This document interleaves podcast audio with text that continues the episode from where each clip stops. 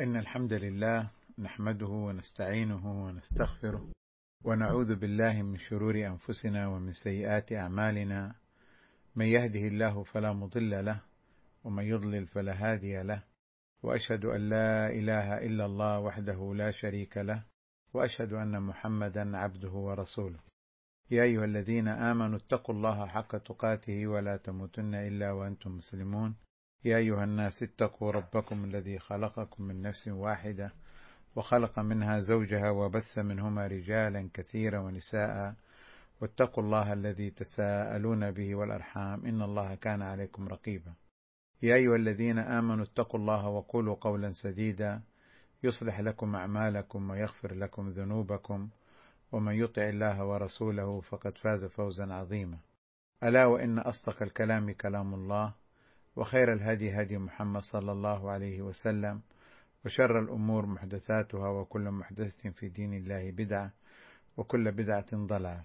أما بعد فقد انتهى بنا الكلام في شرح سنن ابن ماجه رحمه الله إلى باب لزوم المساجد وانتظار الصلاة.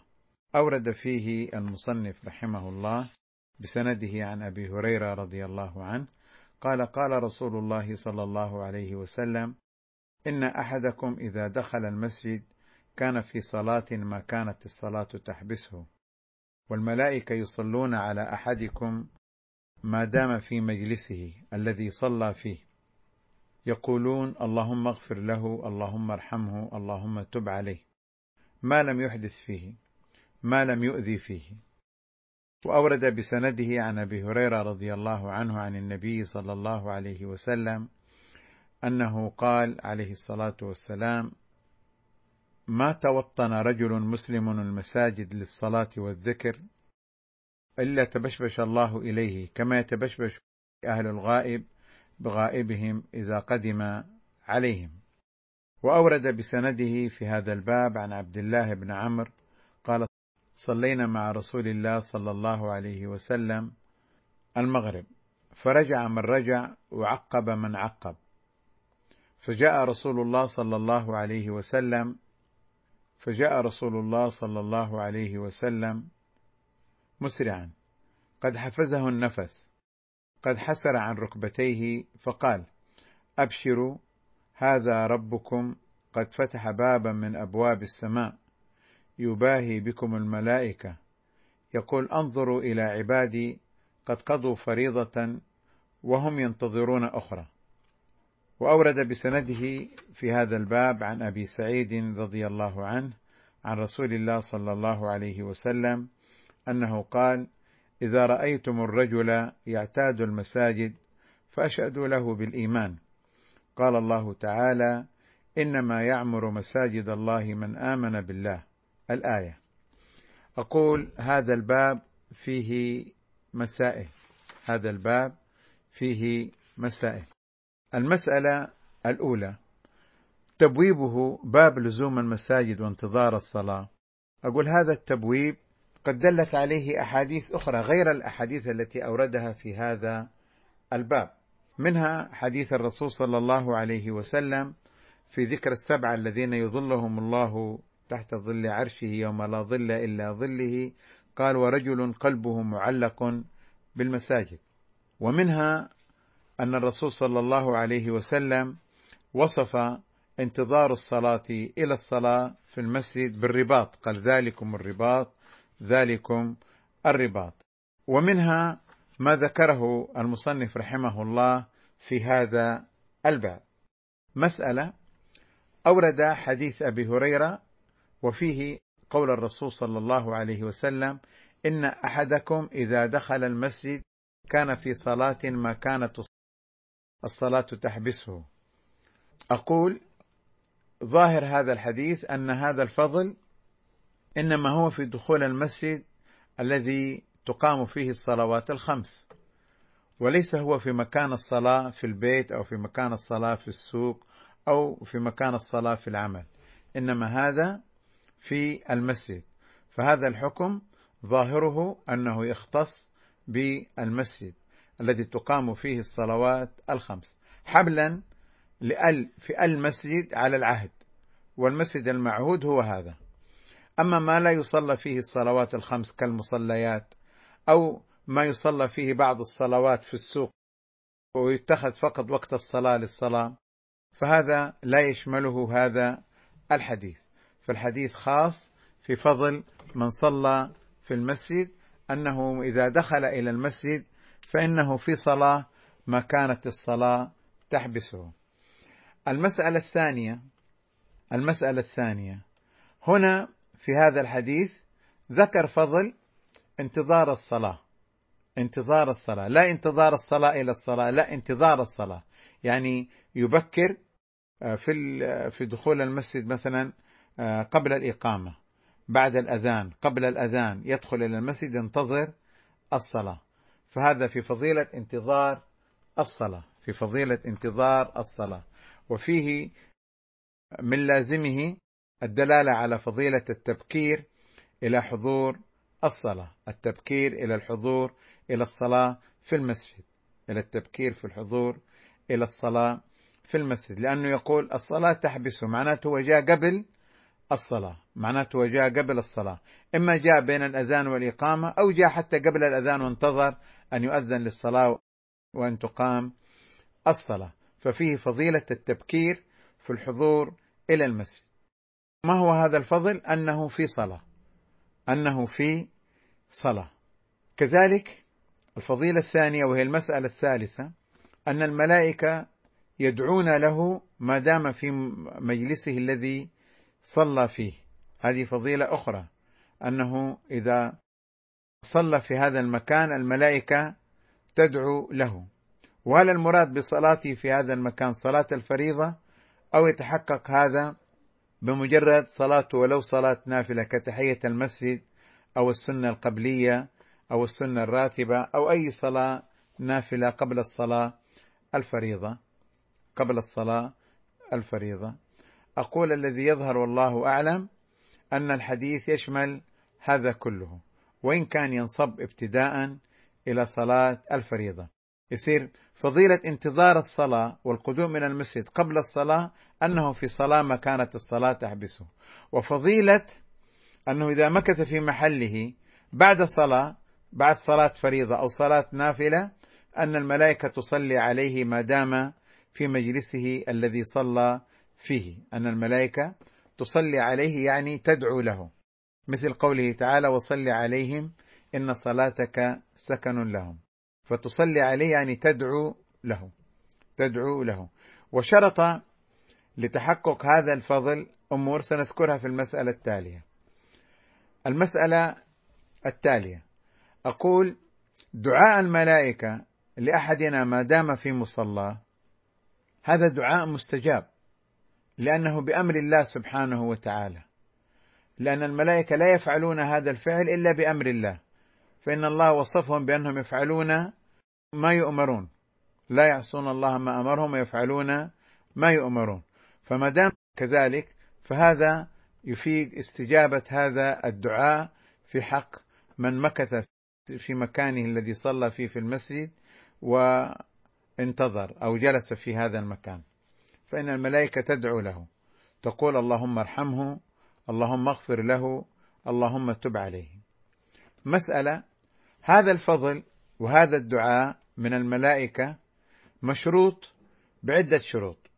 الشرط الأول ما دام في مجلسه الذي الذي صلى فيه. إذا الشرط الأول أن يكون صلى. الشرط الثاني أن يداوم بالجلوس في مجلسه الذي صلى فيه. الشرط الثالث أن لا يحدث الشرط الرابع أن لا يؤذي أحد.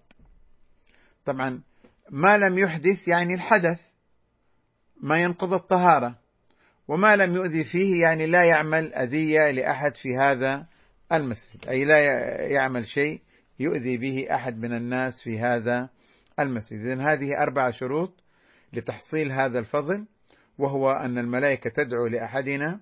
الشرط الأول أن يكون صلى في هذا المكان. الشرط الثالث أن يداوم في مجلسه الذي صلى فيه. الشرط الرابع أن لا يحدث. الشرط الثالث أن لا يحدث. الشرط الرابع أن لا يؤذي فيه أحد. أن لا يؤذي فيه أحد. وهذا الحديث أورده المصنف في باب لزوم المساجد وانتظار الصلاة.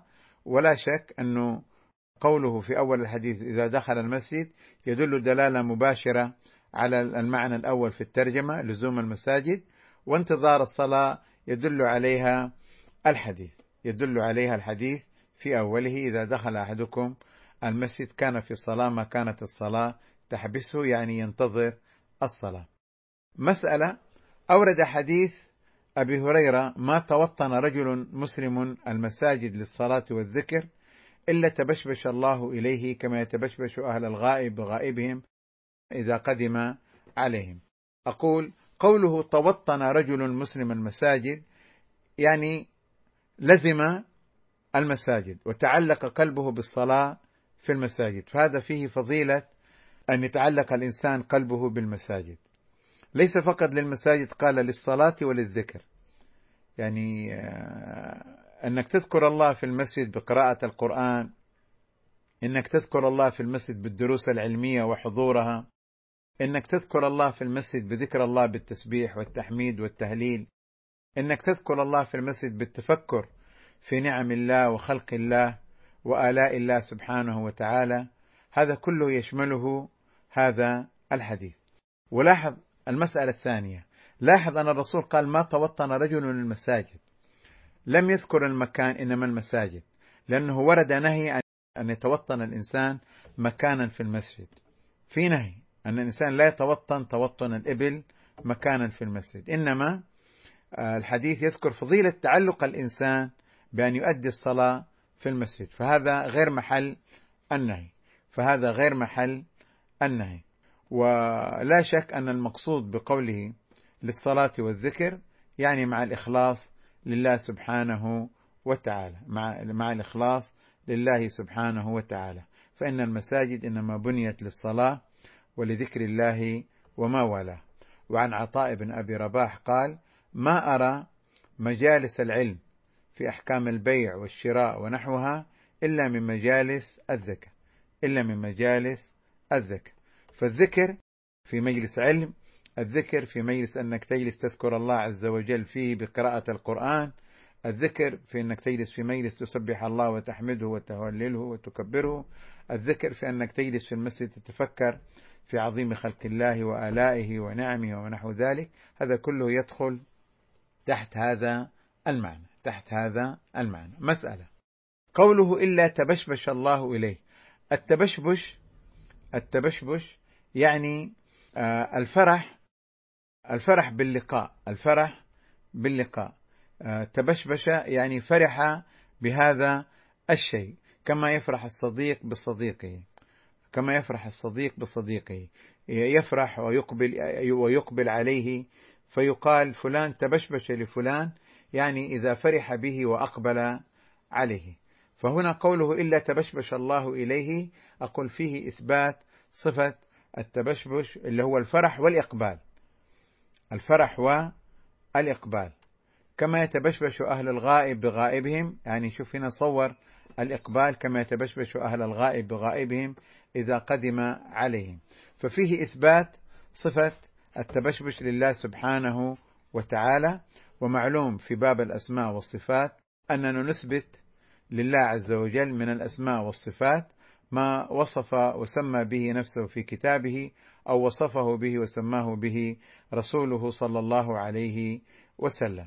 فالتبشبش صفة لله وهي صفة من صفات الفعل صفة من صفات الفعل وذكرنا سابقا في محل سابق أن ما تعلق من الصفات بالذات يقال له صفة ذات وما تعلق من الصفات بالمشيئة والإرادة يقال له صفة فعل. وهذا التبشبش صفة فعل لأنه متعلق بإرادة الله ومشيئته سبحانه وتعالى. الحياة العلم الإرادة هذه كلها صفات ذات يتصف الله سبحانه وتعالى بها. سبحانه وتعالى. العلو صفة ذات. الاستواء على العرش صفة ذات من جهة وصفة فعل من جهة. من جهة معنى العلو هذه صفة ذات. ومن جهة أنه يستوي على عرش كما شاء كيف شاء متى شاء هذا يعني صفة فعل. فهذا من جهة صفة ذات ومن جهة صفة فعل. مسألة فيه معنى إقبال الله على العبد. أقول هذا المعنى جاء بالتفصيل في حديث آخر. قال صلى الله عليه وسلم إن الله عز وجل يقول من عاد لي وليا آذنته بحرب وما تقرب إلي عبدي بأحب إلي مما افترضت ولا يزال عبدي يتقرب إلي بالنوافل حتى أحبه. فإذا أحببته كنت عينه التي يبصر بها ويده التي يبطش بها وقدمه وإذا أتاني يمشي أتيته هرولة الحديث لما قال فإذا أتاني يمشي أتيته هرولة إلى آخره. فهذا الحديث الذي أخرجه الإمام آه، البخاري رحمه الله هذا الحديث الذي فيه أن الله عز وجل ذكر آه، يعني إقباله على العبد إذا عمل الطاعة. شوفوا هذا الحديث أخرجه البخاري آه، فيما يرويه الرسول صلى الله عليه وسلم عن ربه.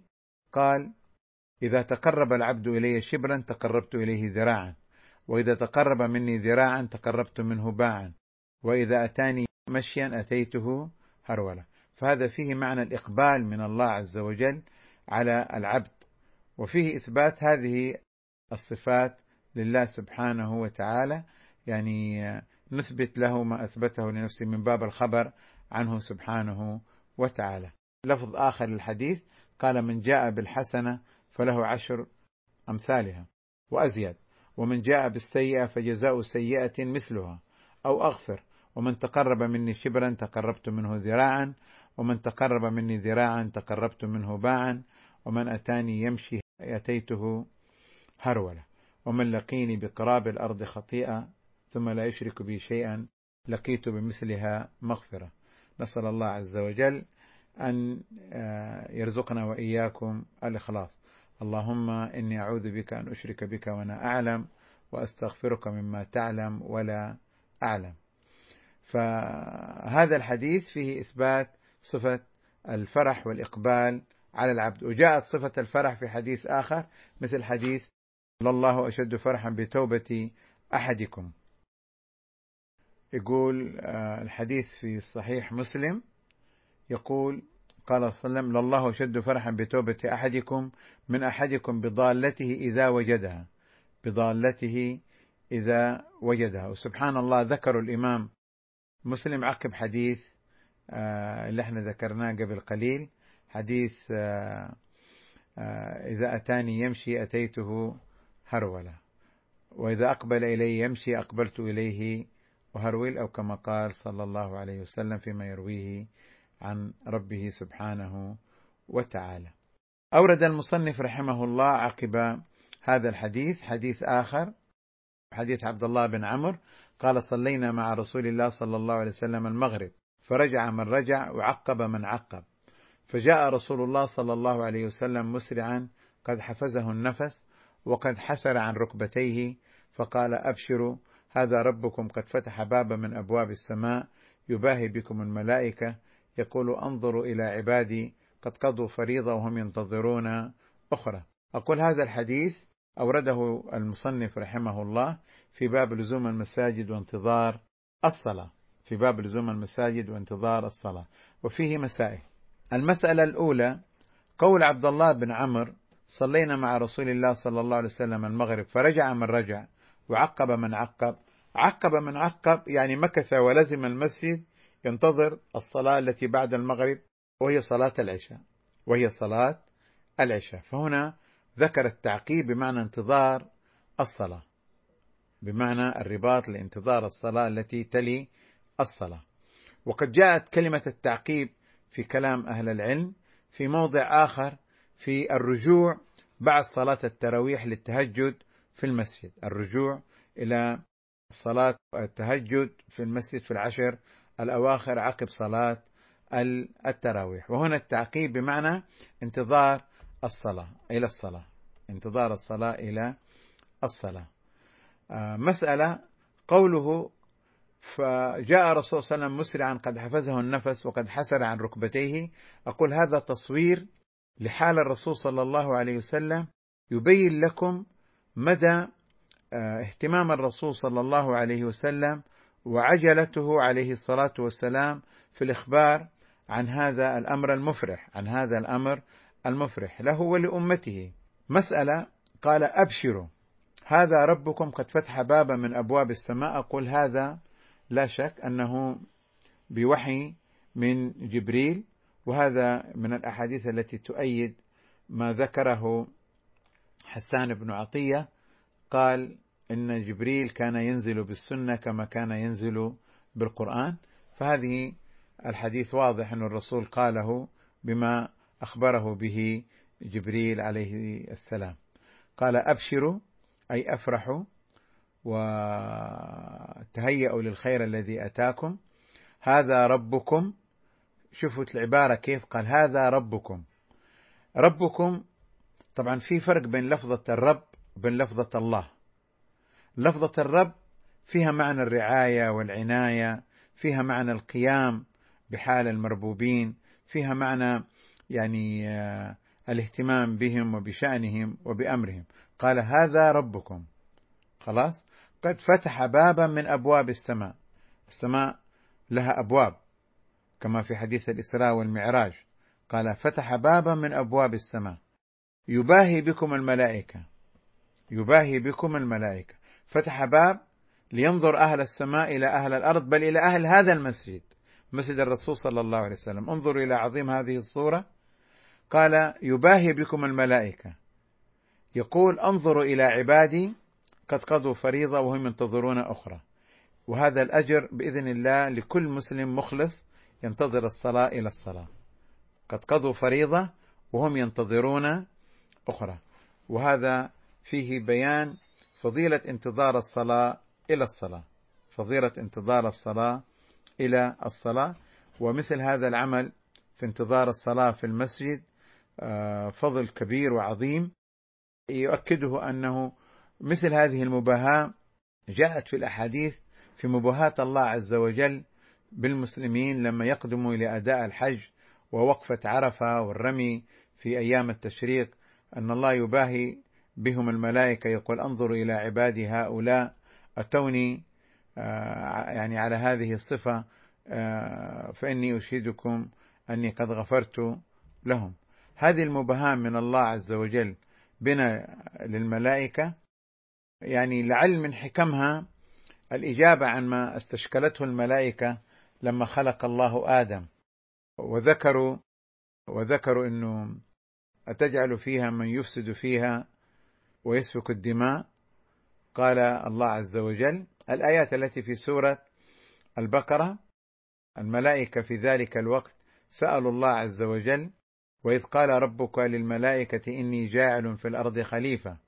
قال وتجعل فيها من يفسد فيها ويسفك الدماء ونحن نسبح بحمدك ونقدس لك. قال إني أعلم ما لا تعلمون. هذه المباهاة كأنه فيها إشارة إلى هذا المعنى. كأنه فيها إشارة إلى هذا المعنى. انظروا إلى عبادي هؤلاء أتوني شعثا غبرا يرجون رحمتي ويخافون غضبي. هنا يقول انظروا إلى عبادي قد قضوا فريضة وهم ينتظرون فريضة. فهذا رد على الملائكة في قولهم يفسدون ويسفكون الدماء. فالله عز وجل يقول إني أعلم ما لا تعلمون. فهذا مما علمه الله من حال من صلح وخلص من عباده في اتباع رسوله صلى الله عليه وسلم. ثم ختم الباب رحمه الله بحديث أبي سعيد إذا رأيتم الرجل يعتاد المساجد فاشهدوا له بالإيمان. قال الله تعالى إنما يعمر مساجد الله من آمن بالله. أقول هذا الحديث فيه مسائل. المسألة الأولى هذا الحديث لم يثبت على طريقة سنن الرواية فهو من طريق دراج عن أبي الهيثم وقد ضعف أبو داود حديث دراج عن أبي الهيثم على الخصوص. ضعفه على الخصوص. لكن هذا الحديث لم يصح من جهة سند الرواية لكن معناه صحيح من جهة موافقته للقرآن. فنعم الله عز وجل يقول إنما يعمر مساجد الله من آمن بالله. فنحن على ضوء الآية نشهد بالإيمان جملة أو عموما لمن يعمر مساجد الله لمن يعمر مساجد الله سبحانه وتعالى. فما دل عليه هذا الحديث من معنى ثابت يقرره القرآن الكريم. وهذا الحديث إذا رأيتم رجل يعتاد المساجد مع قوله تعالى إنما يعمر مساجد الله من آمن بالله واليوم الآخر أقول هذا الحديث يفيد ارتباط الظاهر بالباطن. كما قال الحسن البصري قال ليس الإيمان بالتمني ولا بالتحلي ولكنه ما وقر في القلب وصدقه العمل. فنحن نشهد للإنسان بالإيمان إذا كان عمله الظاهر يوافق الحق ويوافق السنة ويوافق الخير. ونقول هذا الإيمان وليس معناه شهادة له بدخول الجنة إنما نقول هذا الإيمان إذا بقي عليه ومات عليه وكان صادقا مخلصا نرجو له إن شاء الله الجنة نرجو له إن شاء الله الجنة. فنحن نشهد شهادة عامة. هنا الشهادة بمعنى الإخبار عن الأمر الذي علمناه في ظاهر حال هذا الشخص ونكل السرائر إلى الله سبحانه وتعالى.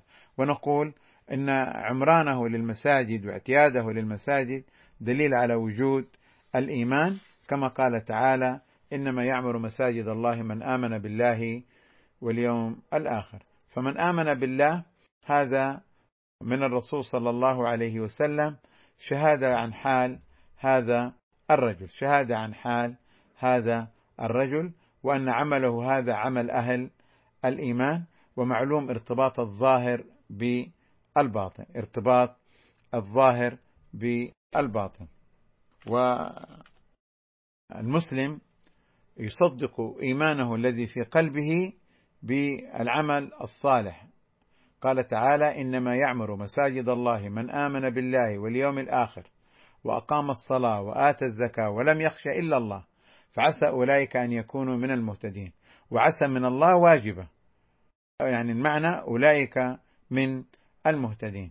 فإنما يعمر مساجد الله من آمن بالله واليوم الآخر وأقام الصلاة وآتى الزكاة ولم يخشى إلا الله فعسى أولئك أن يكونوا من المهتدين. الآية في سورة التوبة آية 18 وهذا الحديث قلنا لم يصح على طريقة الرواية والأسانيد لأنه من طريق دراج عن أبي الهيثم وإنما يصح من جهة المعنى ويثبت من جهة موافقته للآية القرآنية. و وهذا الباب هو آخر باب في الجزء الأول من سنن ابن ماجه وإن شاء الله في الدرس القادم نكمل ونبدأ بالجزء الثاني من سنن ابن ماجه. وصلى الله على محمد وعلى آله وصحبه وسلم. آه تنبيه يا إخوة بإذن الله تعالى سنعقد حوار مفتوح بالتنسيق مع الأستاذ الشيخ أسامة بن علي الأهدل من خلال برنامج زوم. وبإذن الله تعالى سيتم الإعلان عن هذا. نعمل حوار مفتوح لمدة ساعة أو نصف ساعة أو ساعة إلا ربع بحسب ما يكون هناك إن شاء الله من الأسئلة. وأسأل الله عز وجل التوفيق والهدى والرشاد والسداد. وصل اللهم على محمد وعلى آله وصحبه وسلم.